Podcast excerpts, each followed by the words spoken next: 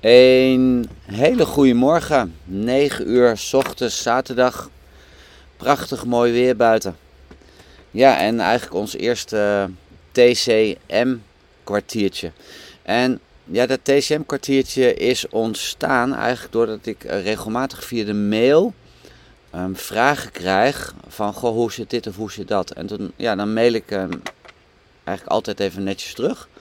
Maar ik dacht, nou goed, wellicht heb jij er ook wat aan hè, aan die vragen die gesteld worden. En ik kreeg vorige week kreeg ik de vraag van uh, gaat yinleegte altijd gepaard met hittesymptomen? Hè, je ziet ze hier ook in beeld staan. Of is de tong altijd rood met een yinleegte? En dan is het natuurlijk allereerst belangrijk um, om, eigenlijk, um, om vast te stellen wat een yinleegte um, precies is. Als we naar de vloeistoffen in het lichaam gaan kijken, want zo onthoud ik het meestal, van yin zijn de vloeistoffen. dan hebben we bloed, we hebben natuurlijk yin-yang en we hebben natuurlijk ook nog andere, andere vloeistoffen in het lichaam. Bloed en de vloeistoffen die zijn ook onderling um, uitwisselbaar.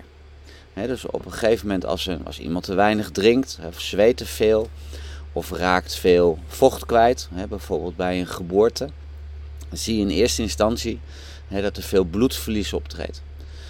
Als, uh, en dat noemen we dan een bloedleegte. En op het moment dat een bloedleegte langduriger aanwezig is, dan kan het bijvoorbeeld ook overgaan tot een, tot een yinleegte.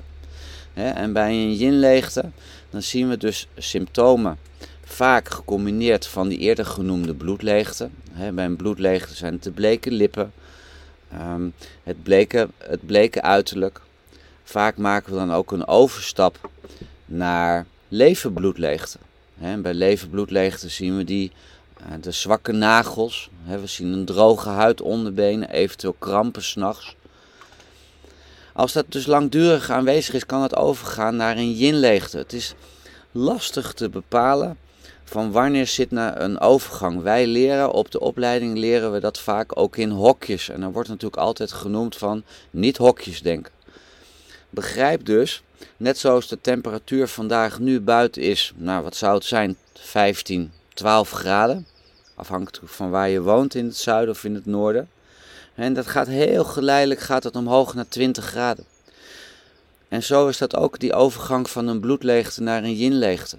die begint met een bloedleegte en het gaat heel geleidelijk en dan komt eens een keer een symptoom bij die een beetje in de richting gaat van een yinleegte. Je zou zo kunnen stellen, de situatie wordt wat, ja, wat ernstiger. Hè? Zeg maar, het, het, het, het, het yin wordt eigenlijk steeds meer, de vloeistoffen worden eigenlijk steeds meer aangetast. Bij een bloedleegte zie je dan, op het moment dat het bloed te weinig is, zie je ook dat de tong bleek wordt. Hè? Want er is te weinig bloed hè, om die tong kleur te geven, maar er is ook te weinig bloed om die tong te vullen. Dus dan zie je dat die tong ook dunner wordt dus die tong is bleek en die tong is dun. Als we gaan kijken naar een overgang naar de yinleegte, met de symptomen van nachtzweten, de droge mond s'nachts, de five palm heat, dan zie je um, droge ogen trouwens ook nog bij een, bij een lever yinleegte. Dan moet dat dus overgaan van een bloedleegte naar een yinleegte. Bloedleegte hebben we de bleke dunne tong. En het gaat dus op een gegeven moment over naar een yin-leegte. En het is niet zo dat jij dan op maandag een bloedleegte hebt en dat op dinsdag dat je dan een yin-leegte hebt en dat je dan je tong uitsteekt en oh, hij is nu van dun en bleek opeens overgegaan um, naar bijvoorbeeld rood. en dan met weinig beslag. Dat gaat heel geleidelijk. En ook in de in, de, hè, in die weerspiegeling die die tong aan ons geeft, hè, zullen we dus ook zien dat dat dus heel geleidelijk gaat. Ik had een kleine begeleiding, kan je ook nog even meelezen. Als de vloeistoffen in het lichaam uitgeput raken, dan zien we dus droge keel, een droge hoest. Het is meer in de richting van een long-yin gaan, hè, of een longdroogte. We zien de droge mond ontstaan, dan met name s'nachts als het yin is aangetast, droge lippen, droge hoest en ook dorst. die bovenste vijf, en ook, en dat ook een beetje dorst erbij, die zien we ook bij droogte. droogte is ook zo'n, um, is natuurlijk ook een syndroom wat vaak voorafgaat aan een yin-leegte. En als we naar de onderste gaan, dan zien we natuurlijk dat die tong met weinige beslag ontstaat, zonder wortel en eventueel met cracks. Dat geeft aan dat het yin aangetast is. dus het beslag neemt af, want het is het maag-yin wat het beslag verzorgt. En op het moment dat het yin afneemt, is de maag minder goed in staat om dat beslag te vormen. Er is geen residu meer om het beslag te vormen. Al het yin wordt gebruikt in het lichaam en er is dus te weinig om het naar de, door de maag naar de tong te laten vervoeren. Of je ziet dat het beslag geen wortel meer heeft. Dat wil zeggen dat het beslag boven, eigenlijk lijkt bovenop de tong te liggen. En dan kunnen ook cracks ontstaan. Dat zijn net zoals die scheurtjes. als je in de natuur loopt en dan bij een langdurige droogte, zie je ook scheurtjes in de aarde ontstaan. Dat zijn allemaal tekens dat er dus een yin-leegte speelt of dat er vloeistoffen aan het afnemen zijn. Je hoort me al soms ook al een beetje, dat ik zeg ja, droogte, yinleegte, bloedleegte, hè, dat die, die zitten heel erg dicht bij elkaar. En waar ligt dan precies het verschil? Vaak zeggen we, op het moment dat iemand nachtzweten heeft, dan heb ik een yinleegte te pakken. Nachtzweten is vandaag natuurlijk niet de topic, hè, maar nachtzweten kan inderdaad door een yinleegte ontstaan omdat het yin het yang niet meer kan controleren. er ontstaat dan een soort hitte, of er ontstaat hitte en die hitte die stuurt die vloeistoffen naar buiten toe, waardoor je dus gaat zweten. Er zijn ook andere vormen van nachtzweten. bijvoorbeeld damp kan ook, uh, dat kan stagneren, dat kan hitte veroorzaken en die hitte, het is steeds hitte die die vloeistoffen naar buiten stuurt. Dus denk niet van, oh, ik heb nachtzweten, ik heb hier meteen een yin-leegte. Dan moet je kijken of daar meerdere syndromen of symptomen hè, van een yin-leegte te vinden zijn. Hè, die eerder genoemde droge mond s'nachts, eh, de droge ogen bij een leven yin-leegte, de five palm heat, de rode wangetjes. De five palm heat betekent eigenlijk niks anders dan dat de vijf of de twee palmen van de hand, de twee voetzolen hè, en de borst, hè, de yinnezijdes van het lichaam, hè, die warmen dan eigenlijk op. Omdat er te weinig yin is, te weinig koelvloeistof ehm, aanwezig is. Op het moment dat wij dus nachtzweten hebben, dan is er dus een vorm van hitte aanwezig. Want het is de hitte die de vloeistoffen naar buiten duwt. Die vloeistoffen gaan niet zomaar naar buiten. Of er is een leegte aanwezig, een yang-leegte, die kan de poriën niet meer controleren, waardoor die vloeistoffen kunnen ontsnappen naar de poriën.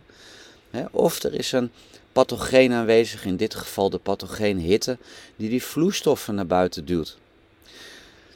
Op het moment dus dat jij een yin-leegte hebt en je ziet dus nachtzweten, betekent dat dat er zich een pathogene hitte in het lichaam aan het ontwikkelen is. Want anders zouden die vloeistoffen niet naar buiten gaan. Op het moment dat er dus nog geen nachtzweten is, of het is heel zelden nachtzweten aanwezig, dan is die pathogene hitte zich nog niet echt aan het ontwikkelen. Hetzelfde geldt voor de five palm heat. De droge mond, de dorst, he, heeft zo'n droge neus of een droge hoest, meer de droogteverschijnselen, die geven eigenlijk aan dat de vloeistof aan het afnemen zijn, maar er is nog niet per definitie is er hitte.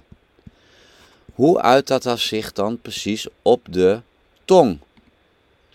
Als we dan deze tong zien, dan is deze tong is niet echt rood. Ik heb straks ook even een vergelijk gemaakt als je deze tong dus bekijkt, dan hebben we dus een lichtrode tong, maar we zien wel heel duidelijk dat deze tong weinig beslag heeft. En we zien natuurlijk die scheurtjes in het midden van de tong, in dat maaggebied. Die scheurtjes die hebben dus als betekenis, of die laten dus zien, dat die vloeistoffen in het lichaam aangetast zijn. Maar dit wil dus nog niet zeggen dat er hitte is. Want als je op een gegeven moment gaat kijken naar de tong die hitte geeft, Links zien we de tong van de vorige sheet. Rechts zien we dus eigenlijk een tong en dan zeggen we, wow, dat is wel een heel verschil. Die tong rechts, die, dat is dus echt een rode tong. En die tong links in beeld, dat is een tong die eerder lichtrood, misschien zelfs richting bleek neigt, maar die dus ook geen beslag heeft. Dus een yin-leegte kan zich tonen met, maar kan zich ook tonen zonder. En dat zien we dus aan het tonglichaam. Links is het tonglichaam dus lichtrood, dus eigenlijk niet afwijkend, dus er zit nog geen hitte in het lichaam. Rechts is de tong dus zeker rood, dus er is uh, hitte in het lichaam. Bij beide zien we dat dat beslag aan het, um, aan het afnemen is.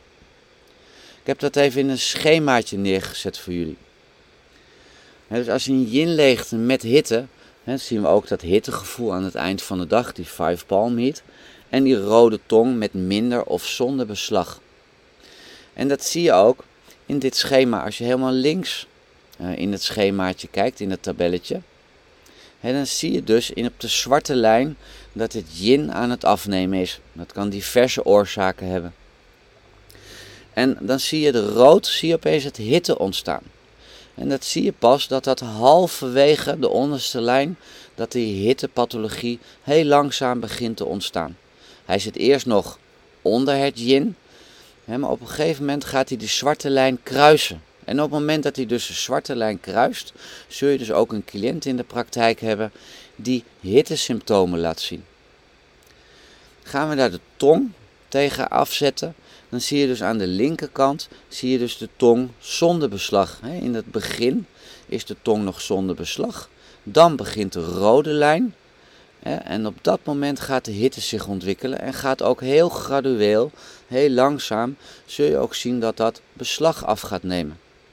Ook die verkleuring dus van de tong, die zou dus van een beetje een blekere tong, een lichtrode tong, gaat die heel langzaam over in het minderen van het beslag, maar ook het tonglichaam zal rode kleuren. En dat rode tonglichaam geeft dus aan dat de hitte aanwezig is, of dat de hitte begint te ontstaan. En dan ga je dus ook met jouw kruidenformule, die zul je dus dan ook daarop aan gaan passen. Je zult ook je puntprescriptie met acupunctuur daarop aan gaan passen. Het mooie hiervan is dus dat jij een cliënt in de praktijk krijgt die je met, dus met de tongdiagnose eigenlijk al kan gaan bepalen van hé, hey, wat is daar aan het spelen? Want ik, ik zie dat er beslag aan het afnemen is. Natuurlijk ook even vragen van poets je je tong niet. Hè, want iemand kan natuurlijk ook het beslag te afpoetsen, waardoor het zo lijkt. Maar dan, voordat de symptomen zich laten zien, heb jij als therapeut dus eigenlijk al gezien dat dat yin aan het afnemen is. En dat kan je dan eigenlijk preventief eigenlijk al behandelen. En dat is juist het ontzettend mooie hè, van de traditionele Chinese geneeskunde. Dat we in staat zijn om voordat de symptomen zich duiden, hè, dat je dan al daarmee aan de gang kan gaan of die cliënt ook kan gaan behandelen. Ik laat je nogmaals weer even zien, want dat is altijd het mooie in het vergelijk van de tongen. Dus links hebben we wat meer de lichtrode, misschien wel licht wat blekere tong met de cracks. Het beslag is vrijwel verdwenen. en rechts, dat zien we heel duidelijk, de rode tong. Dus als we dat in symptomen uit zouden zetten, dan heeft de linkertong heeft dus een yin-leegte zich aan het ontwikkelen, maar dan zonder de hittesymptomen. En rechts, dat zullen de hittesymptomen zijn, met het nachtzweten, de five palm heat, zullen ook de rode wangen zichtbaar zijn. Dus de patiënt wordt eigenlijk veel, ja, veel warmer, veel vuriger hè, en die laat dus echt hittetekens zien. Dus we gaan van geen minder beslag van een, met een yin-leegte, gaan we naar geen beslag met een rode tong. En dan hebben we yin-leegte met een lege hitte. We kennen natuurlijk ook de rode tong met geel beslag. En dat betekent dat er een volle hitte aanwezig is. want op het moment dat het yin af gaat nemen, toont dat zich dus in de afname van het tongbeslag.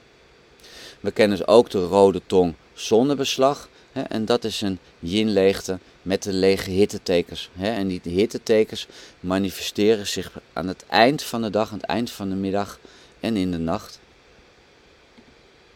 Ik heb hier nog even alle tongen voor je even achter elkaar gezet.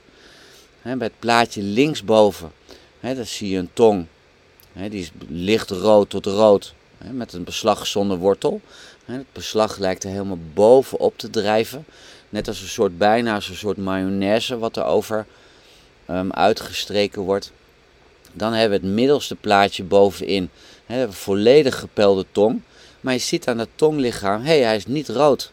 Dus er zullen nog geen of nauwelijks hittetekens zijn. Het plaatje meest rechts is eigenlijk beslag weg. We zien cracks. en die tong die is eigenlijk al rood aan het worden. En dan hebben we aan de onderste tong, linksonder, hè, dan zien we wat gepelde plekken en je ziet ook nog wat geel beslag. En dus hoogstwaarschijnlijk hè, is daar zich een yinleegte met wat hitte aan het ontwikkelen. Hè, omdat dat gelige beslag ook nog aanwezig is, hè, is het ook goed om even te kijken van, goh, zijn er ook nog volle hittesymptomen aanwezig. Dus hier heb ik ze even mooi op een rijtje gezet. Dus om samenvattend um, de vraag te beantwoorden heeft yinleegte altijd een rode tong? Nee. Een yinleegte kan dus ook een lichtrode tong hebben, maar je ziet wel dat het beslag aan het afnemen is. Heeft die, uh, de cliënt een tong die rood is, dan weet je van hé, hey, ik kan op zoek gaan hè, of ik kan verwachten dat er hittesymptomen zijn. Dus zoals nachtzweten, de five palm heat, de rode wangetjes.